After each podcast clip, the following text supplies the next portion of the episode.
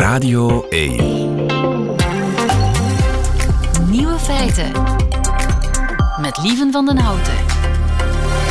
Dag en welkom bij de podcast van Nieuwe Feiten van 17 januari 2023. In het nieuws vandaag dat het eindelijk beslist is wanneer u te oud bent voor de discotheek. Aan 5000 Britten is gevraagd wanneer iemand te oud is om nog uit te gaan.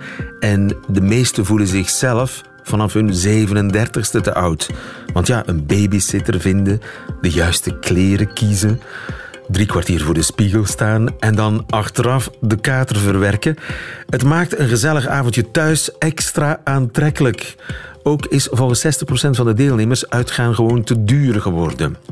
Een avondje uit zou dubbel zoveel kosten als een avondje Netflixen in de zetel. En meer dan een derde zei dat er niets tragischer is, en nu komt het, dan iemand van 41 in een club dansend tussen twintigers. Het is maar een peiling natuurlijk. Hè? De andere nieuwe feiten vandaag. In Finland krijgt elke dakloze een gratis huis. Op het Waddeneiland Vlieland wordt het wilde konijn geherintroduceerd. De nieuwe feitenchecker onderzoekt of er echt 80 dokters zijn gestorven van het coronavaccin. En de nieuwe feiten van Grof Geschut, die hoort u in hun middagjournaal. Veel plezier. Radio 1.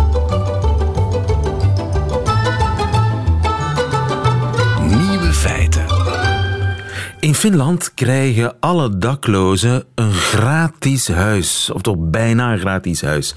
Jeroen Visser, goedemiddag. Goedemiddag.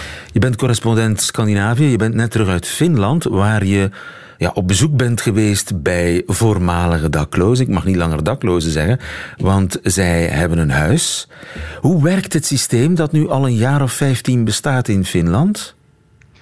Ja, het systeem is kort gezegd dat uh, de strategie om daklozen te helpen eigenlijk is omgedraaid. Dus vroeger uh, werden mensen in de, in de zorg opgevangen. Uh, werden ze bijvoorbeeld geholpen om af te kicken of werden ze, kregen ze psychische zorg. En, en aan het eind van zo'n traject, als iemand dan al die zorgtrajecten stapjes had doorlopen ja, dan, dan uh, maakte je kans op een, op een huis. Dat was de bekroning. De kroon op het werk was het, het eigen huis of het eigen Precies. huurhuis of zo. Maar eerst clean worden, een job zoeken, dat soort dingen. Daar kreeg je allerlei hulp voor. En in Finland hebben ze het omgedraaid. Dus je krijgt gewoon een huis. Dus je kunt een dakloze van de straat plukken en zeggen: alsjeblieft, sleutel, daar is je appartement. Ja, in principe wel. En je krijgt zelfs ook een huurcontract. Die moet ook worden ondertekend door de voormalig daklozen. Dat, dat is natuurlijk een deel van de, het idee hè, dat je iemand ook weer echt laat deelnemen aan de samenleving. En dat dat eigenlijk een basis is waarop iemand uh, verder kan bouwen. Ja. En, en het idee is, het huis is eigenlijk het allerbelangrijkste dat je nodig hebt. En van daaruit kun je in een soort waardigheid, hè, in, in een soort waardige positie in de, als deelnemer aan de samenleving, kan je eigenlijk vooruit. Ja, nu, ik hoor je zeggen huurcontract, dus er moet wel huur betaald worden. Ja, en, en dat kan ook, want zoals uh, iedereen uh, hebben ook daklozen of, of oud-daklozen in Finland en ook in Nederland, in België, recht op een, een uitkering hè, en een huursubsidie. Alleen is het natuurlijk uh, dat lastig altijd als je daar niet bij geholpen wordt om dat aan te vragen en dat ook te gebruiken. Het is, het is niet zo dat uh, deze ex-daklozen zomaar in een huis worden gegooid met een sleutel en dan is het succes ermee. Nee, ze worden natuurlijk begeleid. En in een geval waar ik ben gaan kijken, een aantal gevallen, een aantal voorbeelden heb ik gezien, maar een van die voorbeelden was waar nog echt intensieve begeleiding was. En waarbij de huur ook uh, gewoon automatisch werd afgeschreven. Ja, omdat anders uh, zo iemand dat geld natuurlijk gaat gebruiken om drugs te kopen.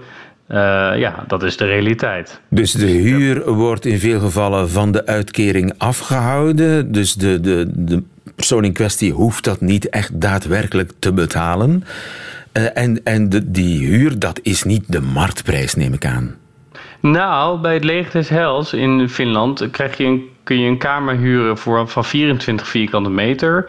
Dat is inclusief badkamer en een klein keukentje. Dat kost 450 euro Oei. per maand. Uh, dus dat vond ik toch niet erg goedkoop. Zo gratis is dat nu ook weer niet. En houdt het ex-dakloze dan genoeg over om van te leven? Want als je 450 nou, euro... Dus ah.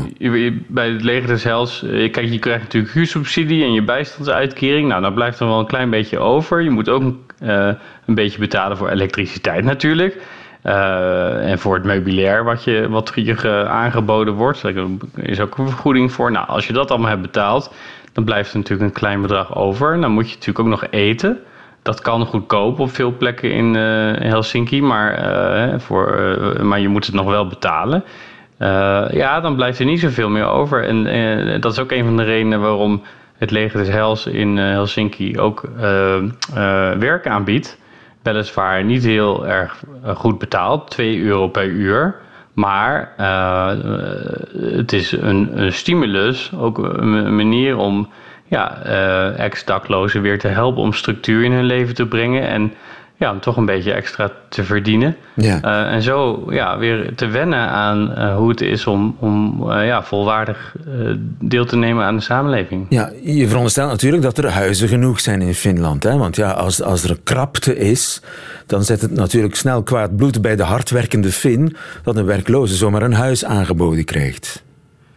Nou, het begint natuurlijk bij een goede, ja, goed beleid om niet alleen woonruimte te creëren voor daklozen, maar ook voor uh, die laag net daarboven. Dus gewoon uh, vinden met een niet bijzonder groot inkomen die op zoek zijn naar een sociale huurwoning.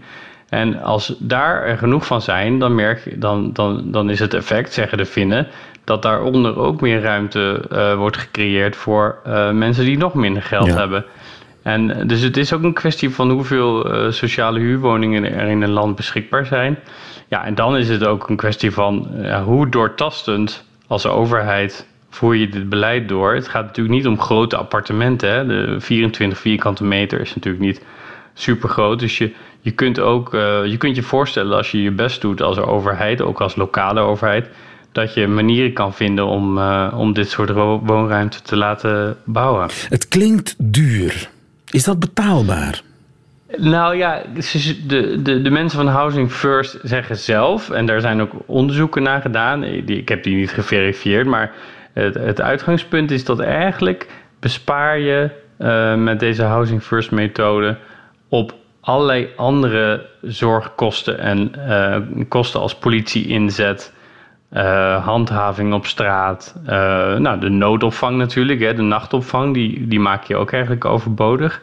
Uh, en natuurlijk heel veel ziekenhuiszorg die voortkomt uit het feit dat mensen op straat leven. Als mensen een eigen huis hebben, kun je ze ook veel makkelijker in de gaten houden en, en preventief optreden. Ja, dus die optelsom, zeggen de mensen die daar onderzoek naar hebben gedaan, is eigenlijk dat het dus even duur is of zelfs goedkoper als je voor Housing First kiest. En je lost ook meteen een probleem op. En ja, want zijn, zijn er nu minder daklozen dan vroeger?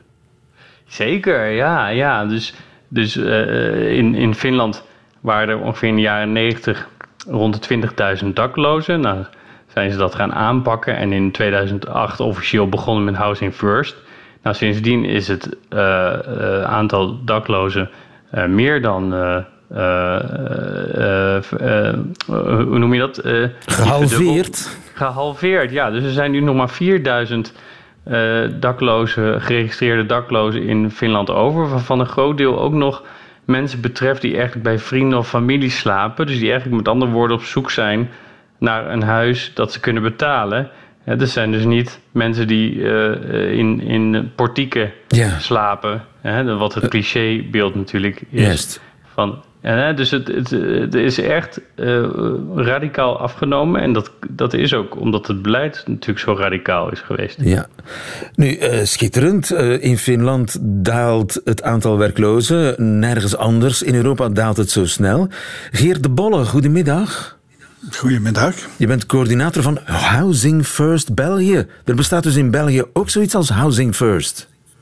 Absoluut, ja, inderdaad. Uh, wij zijn uh, al een, ook al een kleine tien jaar bezig. Dus uh, we zijn klein gestart, maar ondertussen zijn er toch al een vijfentwintigtal projecten over Hans België die bezig zijn met Housing First. Ja, en jij werkt voor de federale overheid om dat een beetje te coördineren. Ehm, staan wij al even ver dan in Finland dan? Uh, wij kijken uh, met grote ogen naar Finland op als, als uh, land dat echt wel trekkende figuur is daarin. wij staan helaas nog niet zo ver, maar we zijn op de goede weg. Housing First wordt meer en meer structureel ingebouwd hier in België en wordt echt wel als het, het betere alternatief voor de opvang en de begeleiding van, van daklozen gezien. Ja, maar het zijn nog lokale projecten op dit ogenblik. Ja. ja. Maar het werkt wel. Het, is inderdaad een succes. Het zijn uh, lokale projecten die gestart zijn als experiment, maar die ondertussen uh, meer en meer uh, structureel uitgebouwd worden. Um, waar dat we in 2016 nog met een 140-tal mensen aan de slag waren uh, die huurden via Housing First, zitten we nu toch wel uh, na die tien jaar aan een duizendtal mensen die uh, vroeger dakloos waren en nu via het Housing First systeem geholpen zijn ja. geweest. En dat zijn mensen die eigenlijk nauwelijks huur betalen of de huur wordt al van de uitkering afgehouden? Uh, dat is zeer verschillend. Uh, dat hangt af van uh, welke middelen of welke mogelijkheden de lokale projecten hebben om samen te werken, bijvoorbeeld met sociale huisvestingsmaatschappijen. Ehm, in het Gentse bijvoorbeeld loopt dat zeer goed, maar in Brussel is dat de grote moeilijkheid. Dus daar zijn de projecten genoodzaakt om op de privéhuishuurmarkt te gaan zoeken. En wat afhouding van de huur betreft of zo, geven wij iedere keer of gaan we met onze uh, bewoners uh, het gesprek aan van wat voor hen uh, een, een, haalbare stap ja. is. Er zijn daklozen die dat heel sterk zelf in hand willen houden en die daarin slagen om met begeleiding ook maandelijks die huur te betalen. Er zijn mensen die een een of andere vorm van schuldbemiddeling hebben, um, waarbij dat, dat voor hen gedaan wordt. Maar wij proberen de keuzevrijheid van de mensen zoveel mogelijk daarin ja, te respecteren. Het wordt op maat geregeld. Uh, ja. is, is, bestaat er een kans dat ook in België, dus nog in Vlaanderen, uh, dat soort housing first aanpak op zijn Fins ja, de, de standaard aanpak wordt? Het is uh, zeker al een, een, stap in de goede richting die we aan het zetten zijn. Hè. De Vlaamse overheid heeft via het uh, dak- en thuisloze plan dat ze opgemaakt hebben, Housing First naar voren geschoven als uh, een, een, waardig alternatief. Er is al een zekere um, subsidiëring voor de Housing First begeleiding voorzien. Uh, dat is natuurlijk nog, nog belangen na niet voldoende. En waar we overal tegenaan lopen, is het grote tekort aan woningen. Dat is niet alleen voor uh, ex-daklozen zo, dat is voor veel mensen uh, binnen de zorg en binnen het welzijnslandschap een, een grote moeilijkheid. dus daar zijn we zeker niet alleen in. En waar wij wel naar Finland kijken, is dat zij echt wel de keuze hebben genomen om via de Y Foundation, wat een, een eigenlijk een bouwmaatschappij is die heel specifiek voor dak- en thuislozen is gaan woningen uh, aankopen en gaan bouwen, uh, dat dat misschien ook wel iets is dat op, op Vlaams niveau zou uitgewerkt kunnen worden. Dus er wordt aangewerkt en dat is goed nieuws. Dankjewel Jeroen Visser in Scandinavië. Dankjewel ook Geert de Bolle. Nog een fijne dag verder. Graag gedaan. Dank wel.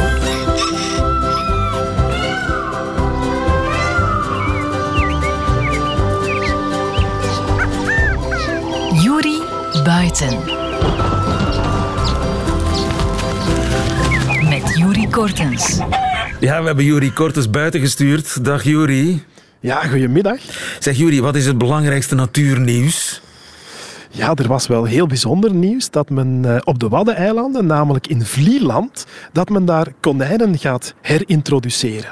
Konijnen herintroduceren op het eilandje Vlieland in het noorden, in het noorden van Nederland is dat toch? Hè? Dat is ja, een Waddeneiland. Hè?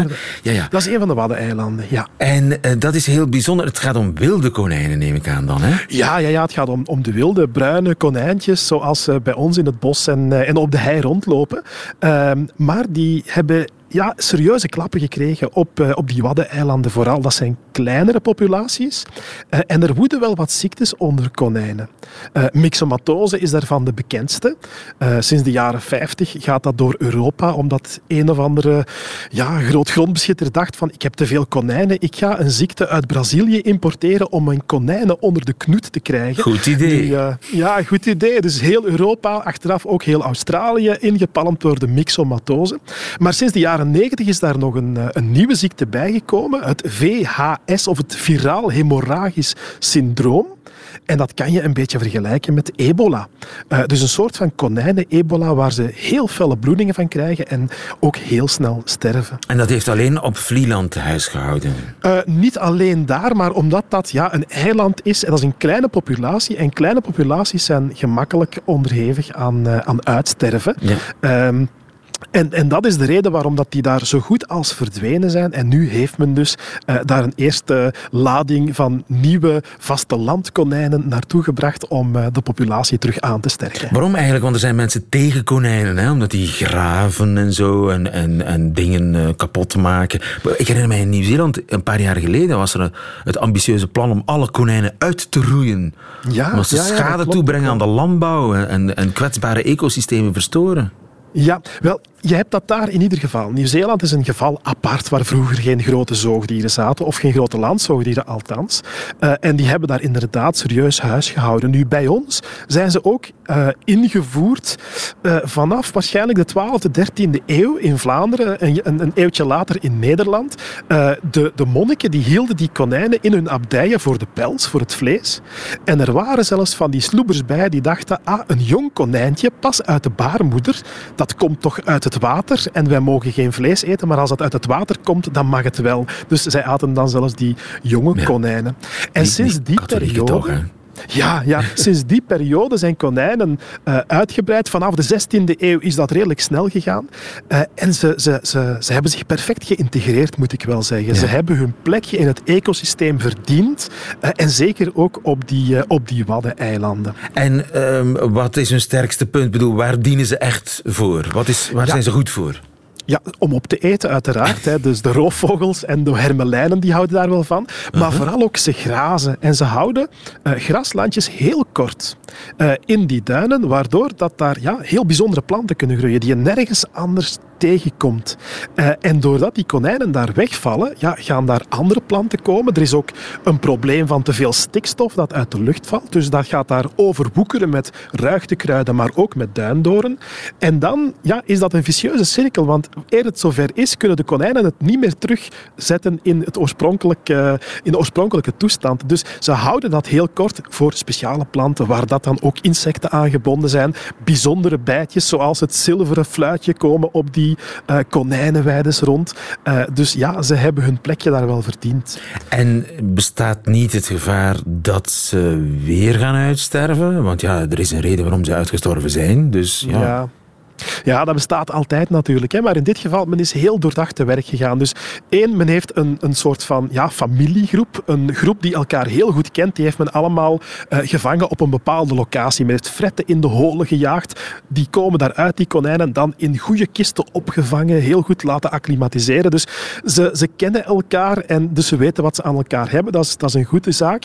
En men hoopt dat op den duur ook door meer genetische diversiteit in die groep op het eiland te krijgen, dat ze ook beter bestand gaan zijn tegen die ziektes. bijvoorbeeld dat viraal hemorragisch syndroom, als je dat als jong konijntje krijgt, onder de tien weken, eh, dan kan je daar immuun aan worden. Dus dan kom je met een generatie die immuun is aan dat virus en dan kan dat weer gaan, uh, gaan uitbreiden. Dus het hoeft niet slecht af te lopen. Het kan, het kan echt wel, uh, wel lukken. Maar ja, dat zal de toekomst moeten uitwijzen natuurlijk. En hoe doet konijn het op het Vlaamse platteland?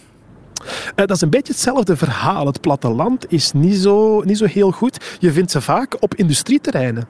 Uh, dat is vaak heel arme grond. Men heeft die gronden vergraven. Dus je hebt, je hebt daar geen zwarte aarde, maar ja, de ondergrond als het ware. Dus arme grond uh, die niet te fel groeit of de planten groeien niet te fel. Konijnen houden dat ook netjes strak.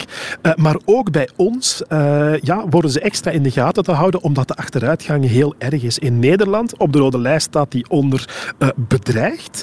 Uh, in Vlaanderen staat die van, die moeten we toch in, in gaten gaan houden. Hij is nog niet, of ze zijn nog niet bedreigd, de konijnen, maar het zou een van de volgende jaren best wel eens kunnen, omdat de achteruitgang zo sterk is. En hier en daar zijn ze er nog wel en zijn ze met velen, maar als je het grote plaatje bekijkt, dan, uh, dan moet het konijn flink inboeten aan zijn verspreidingsareaal. Ja, en heeft hij veel vrienden onder zijn uh, broertjes en ja, zusjes dat, in de natuur? Is, ja, dat is ook heel fijn. Hè? Dus konijnenholen die worden achteraf gebruikt door vogels om in te broeden. Uh, een heel bijzondere is de tapuit, uh, die in de duinen van Vlieland misschien ook nog tot broeden komt. Die gaan ondergrond nestelen. Uh, en bij ons is dat bijvoorbeeld de bergeend. Dus een hele eend die in zo'n konijnenhol kruipt om daar jongen te krijgen. En er is iets heel bijzonders, namelijk een mestkever die zich helemaal geënt heeft op konijnenkeutels. die heet de driehoornmestkever. Een beetje een triceratops triceratops-achtig geval met drie pieken op zijn halsschild. Uh, en ja, die, uh, die, die is verslaafd aan konijnenkeutels. Ja, die is er verslaafd aan. Die, die mannetjes gaan die verzamelen voor het vrouwtje, waarmee ze ook trouwens heel hun leven samen blijven, wat ook al bijzonder is voor insecten. Uh, dus de mannetjes verzamelen de keutels, de vrouwtjes zijn onder de grond, zitten die te wachten om ze aan te nemen, om die dan in de kinderkamer mooi tentoon te spreiden voor, voor de jonge larfjes. En dat is iets wat je nu op dit moment als als je nu zou buiten gaan op plekken waar konijnen zitten, kan je dat nu zien. Wow. En met nu bedoel ik deze periode, uh, maar best tegen de avond aan, want het zijn zo nachtactieve dieren wanneer het donker wordt. Even met de zaklamp op een konijnenweide en dan zie je die uh, ja, heel intrigerende driehoorn mestkevers wel rondkruipen. Rond op zoek naar de volgende konijnenkeutel. Ja, ja, ja, ze hebben er 40 nodig voor één larve. Dus uh, zij hebben best wel wat, uh, wel wat werk voor de boer. Oh, ik ga op zoek. En waar, waar moet ik zijn? Waar moet ik zijn? Overal waar je konijnen tegen Ja, ja dus, maar waar uh, komen konijnen tegen? Um, dus ja, die industrieterreinen, maar ook heel vaak parkgebieden. Daar kom je ze ook wel, wel wat meer tegen. Um, zandige bodems, die, die helpen ook, omdat konijnen zijn, hmm. zijn gravers. In tegenstelling Zandige bodems, zo ken ik er wel een paar. Ja, ja, ja. Uh, en ja, dat zijn zo die plekjes. Je, je merkt dat wanneer er konijnen zitten. Eén, het gras is daar heel kort gegraast. En op dit moment vind je daar ook allemaal kleine uh, graafputjes. Dat zijn kleine putjes, ongeveer 10 centimeter doorsneden. Uh, en daar ligt een hoopje langs met een keutel daarop. En dat is de manier van een mannetjeskonijn om te zeggen van dit is ons territorium, van onze familie, van onze groep, onze sociale groep. En die plekjes die kan je nu ook uh, tegenkomen. Dat zijn een soort van vlagjes. Oké, okay, ik, ja. ik ga op zoek. Jury Kortens, tot volgende week. Oké, okay, tot volgende week. Nieuwe feiten. Radio 1. In Canada zouden 80 dokters zijn gestorven van het coronavaccin. Een verhaal dat 3 miljoen keer gelezen is in één maand tijd. En ja, dan is het tijd om deze mensen erop te zetten.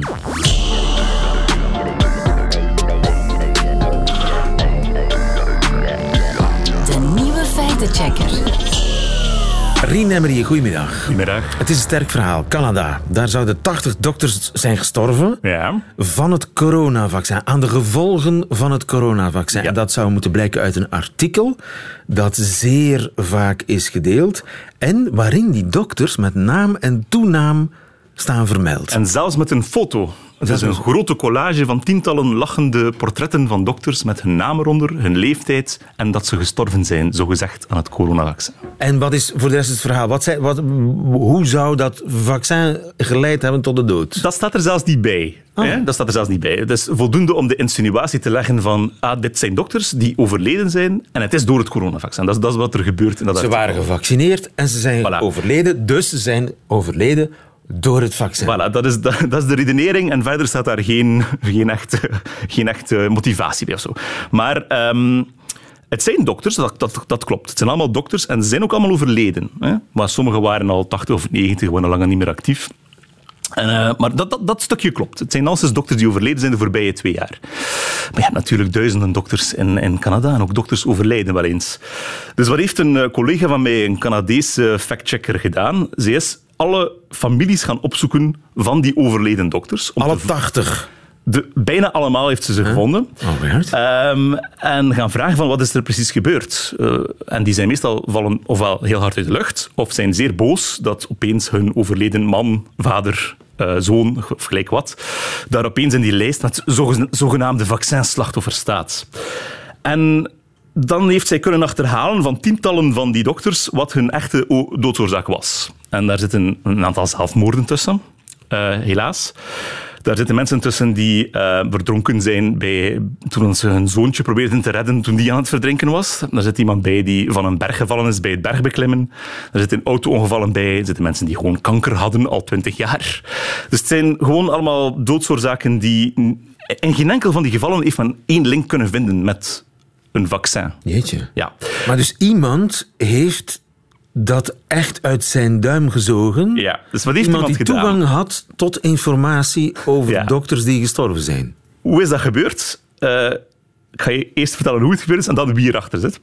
Hoe is het gebeurd? Er zijn gewoon eh, doktersassociaties en ordes der artsen die af en toe in memoriam zetten of overlijdensberichten zetten op hun, op hun sociale media of op hun website. Om aan te kondigen van, hey, onze collega daar is overleden. Ah, Zet, men zet er meestal niet bij waaraan. Met een maar, fotootje Met een erbij. fotootje erbij. En dat is dus alles is gewoon daarvan geplukt en samengeperst tot één lijst. Eh, door wie? Dat is de vraag. Door dokters, ironisch genoeg. Door een aantal Canadese artsen die al van het begin van de coronapandemie tegen vaccins waren of vonden dat het allemaal niet zo erg was. En dan handeltjes hadden opgezet in van die eh, attesten dat je geen vaccin mocht krijgen of dat je geen masker moest dragen. Antivaxartsen. Er is een klein kransje daarvan. In Canada, ook bij ons trouwens, en in elk land zowat. Die zeer actief zijn op sociale media. Alle huisartsen doen gewoon hun werk. Maar ja, er is al telkens een groepje van een aantal handvol artsen die constant zitten te tweeten over hoe gevaarlijk het vaccin is. Hoe wisten zij dat die gestorven collega's gevaccineerd waren? En in sommige gevallen klopt het ook niet dat ze gevaccineerd waren. Maar de meeste zijn er ook. In bijna elk land zijn, dacht, meer dan 95% van de artsen gevaccineerd. Omdat het artsen zijn en ze beseffen het nut van een vaccin natuurlijk. Zeker als ze de hele tijd in contact komen met patiënten die COVID hebben. Ehm, dus, maar die, dat, dat stond er allemaal niet bij. Dat was allemaal niet, het is gewoon een insinuatie en men maakt een hele lange lijst. En waarom? Omdat dat een, ex- een extreem effectieve techniek is om vals informatie te verspreiden. Zo van die lijsten maken of grote compilatievideo's van mensen die gestorven zijn. Waarom? Door de hoeveelheid. Door de hoeveelheid en waarom. Dus mijn collega factchecker in Canada heeft daar moeten letterlijk maanden in steken om al die individuele casussen op te sporen en te gaan vragen wat er aan de hand was. En zo'n lijstje maken kost geen tijd. Maar dat uitzoeken één per één.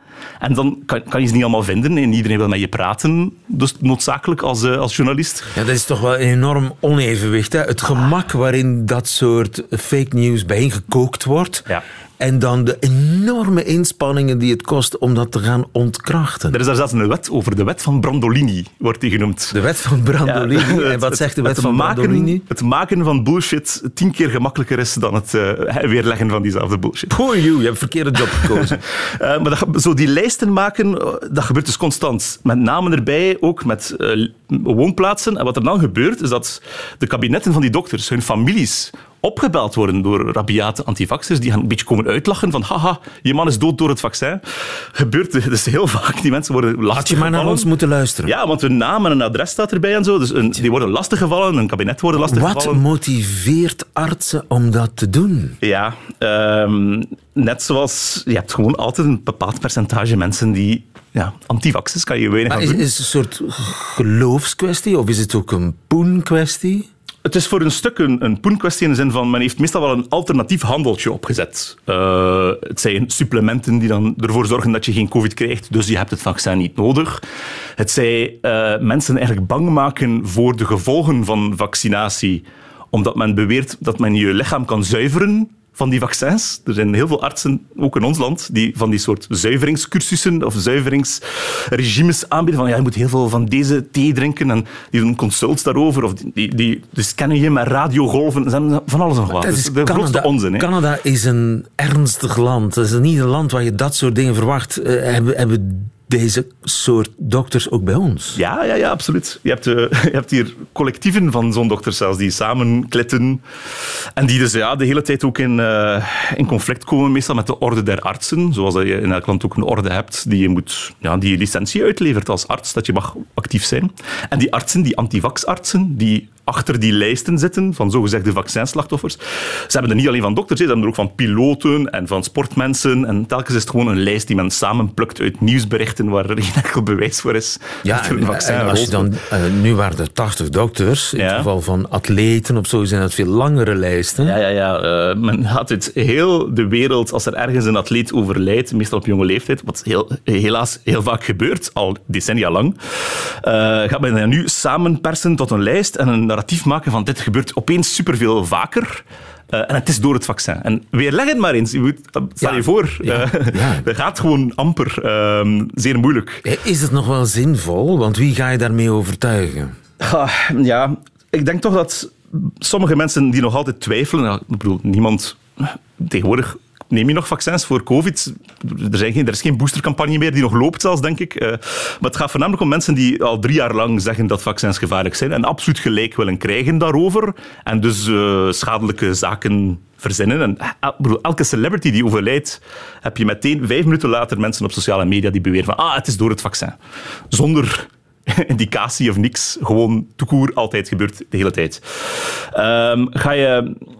Sommige mensen gaan daar toch door in de war zijn, nog altijd. En daarom is zo'n onderzoek zoals die Canadese collega van mij gedaan heeft, die daar dan weken en weken in steekt om dat uit te zoeken, toch nuttig om te tonen van.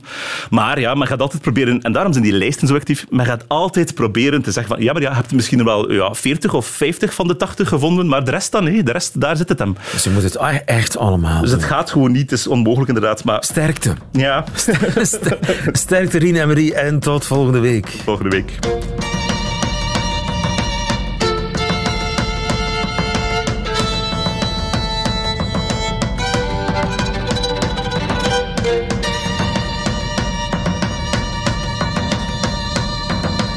Ik heb nog een paar nieuwe feiten voor u. Oekraïne krijgt hulp uit onverwachte hoek. Niet van militairen uit een ander land of van de NAVO, maar van bevers. Kiev bereidt zich voor op een Russische aanval vanuit Belarus, Wit-Rusland. Tot 15.000 Russen zijn in Wit-Rusland gestationeerd en die voeren aan de grens oefeningen uit en die kunnen uitmonden tot een nieuwe invasie. Maar voorlopig kan geen Russische tank het Oekraïnse terrein op dankzij de bevers, want die bouwen dammen in de plaatselijke beken en rivieren, waardoor de velden waarover de Russen zouden moeten oprukken volledig zijn ondergelopen. Het landschap wordt nu gekenmerkt door dikke modder en verraderlijke moerassen. Een invasie zou dus niet onmiddellijk lukken. Soldaten en voertuigen zouden vast komen te zitten en dus kwetsbaar zijn voor de Oekraïnse verdediging. De woordvoerder van de lokale Oekraïnse militaire brigade bedankt de bevers voor hun patriotisme.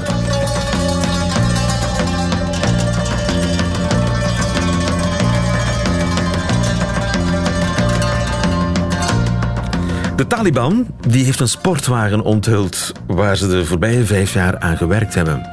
De Mada 9 heet de wagen. En ik moet zeggen, hij ziet er bijzonder strak uit. Volgens de woordvoerder van de Taliban moet de wagen aantonen tot welke innovatieve ontwikkelingen Afghanistan in staat is. Maar of de wagen ook echt een succes zal worden, is nog maar de vraag. Want de motor is gebaseerd op die van de Toyota Corolla. Dat is nu niet meteen een razendsnelle sportwagen. De Taliban heeft al gereageerd op de kritiek. Ze beklemtonen dat hun sportwagen nog een prototype is. In de toekomst willen ze een elektrische variant maken. En dat zou de beste sportwagen ooit worden. Voilà.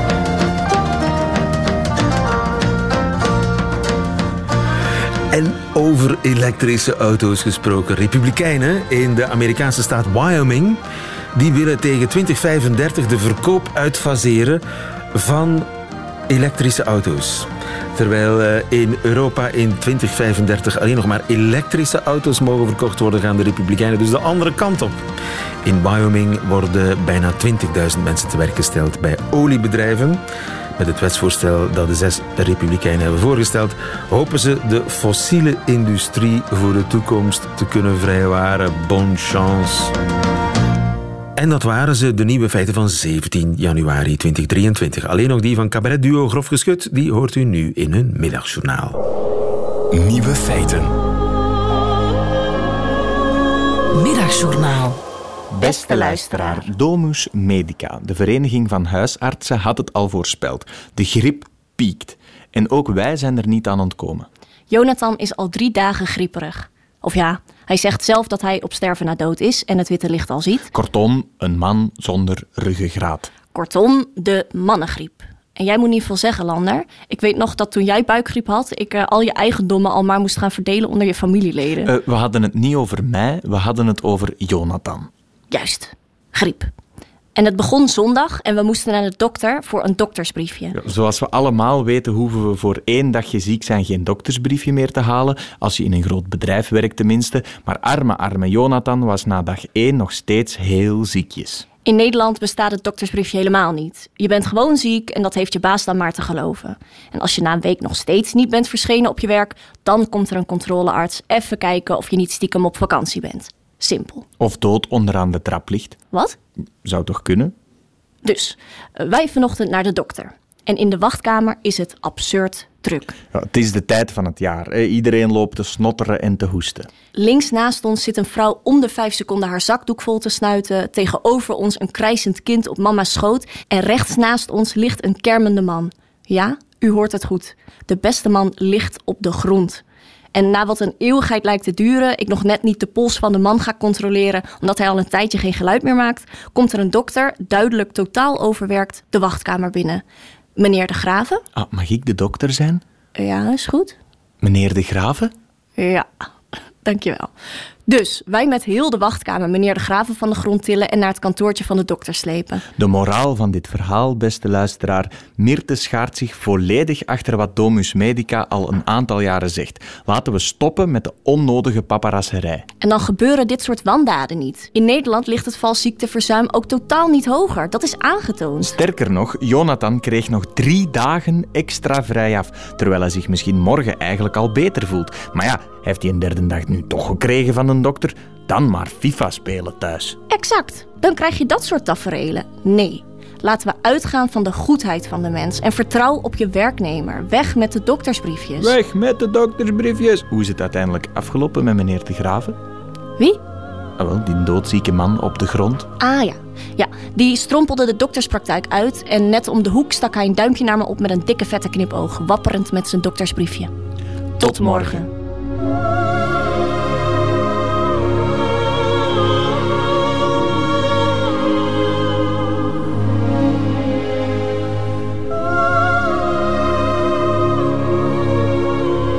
Mooi voorstel, grof geschud in het eh, middagjournaal, meteen het einde van deze podcast. Hoort u liever de volledige nieuwe feiten met de muziek en de toeters en de bellen erbij? Dat kan natuurlijk on demand via de Radio 1 app of de Radio 1 website of gewoon live op Radio 1 elke werkdag tussen 12 en 1. Tot dan.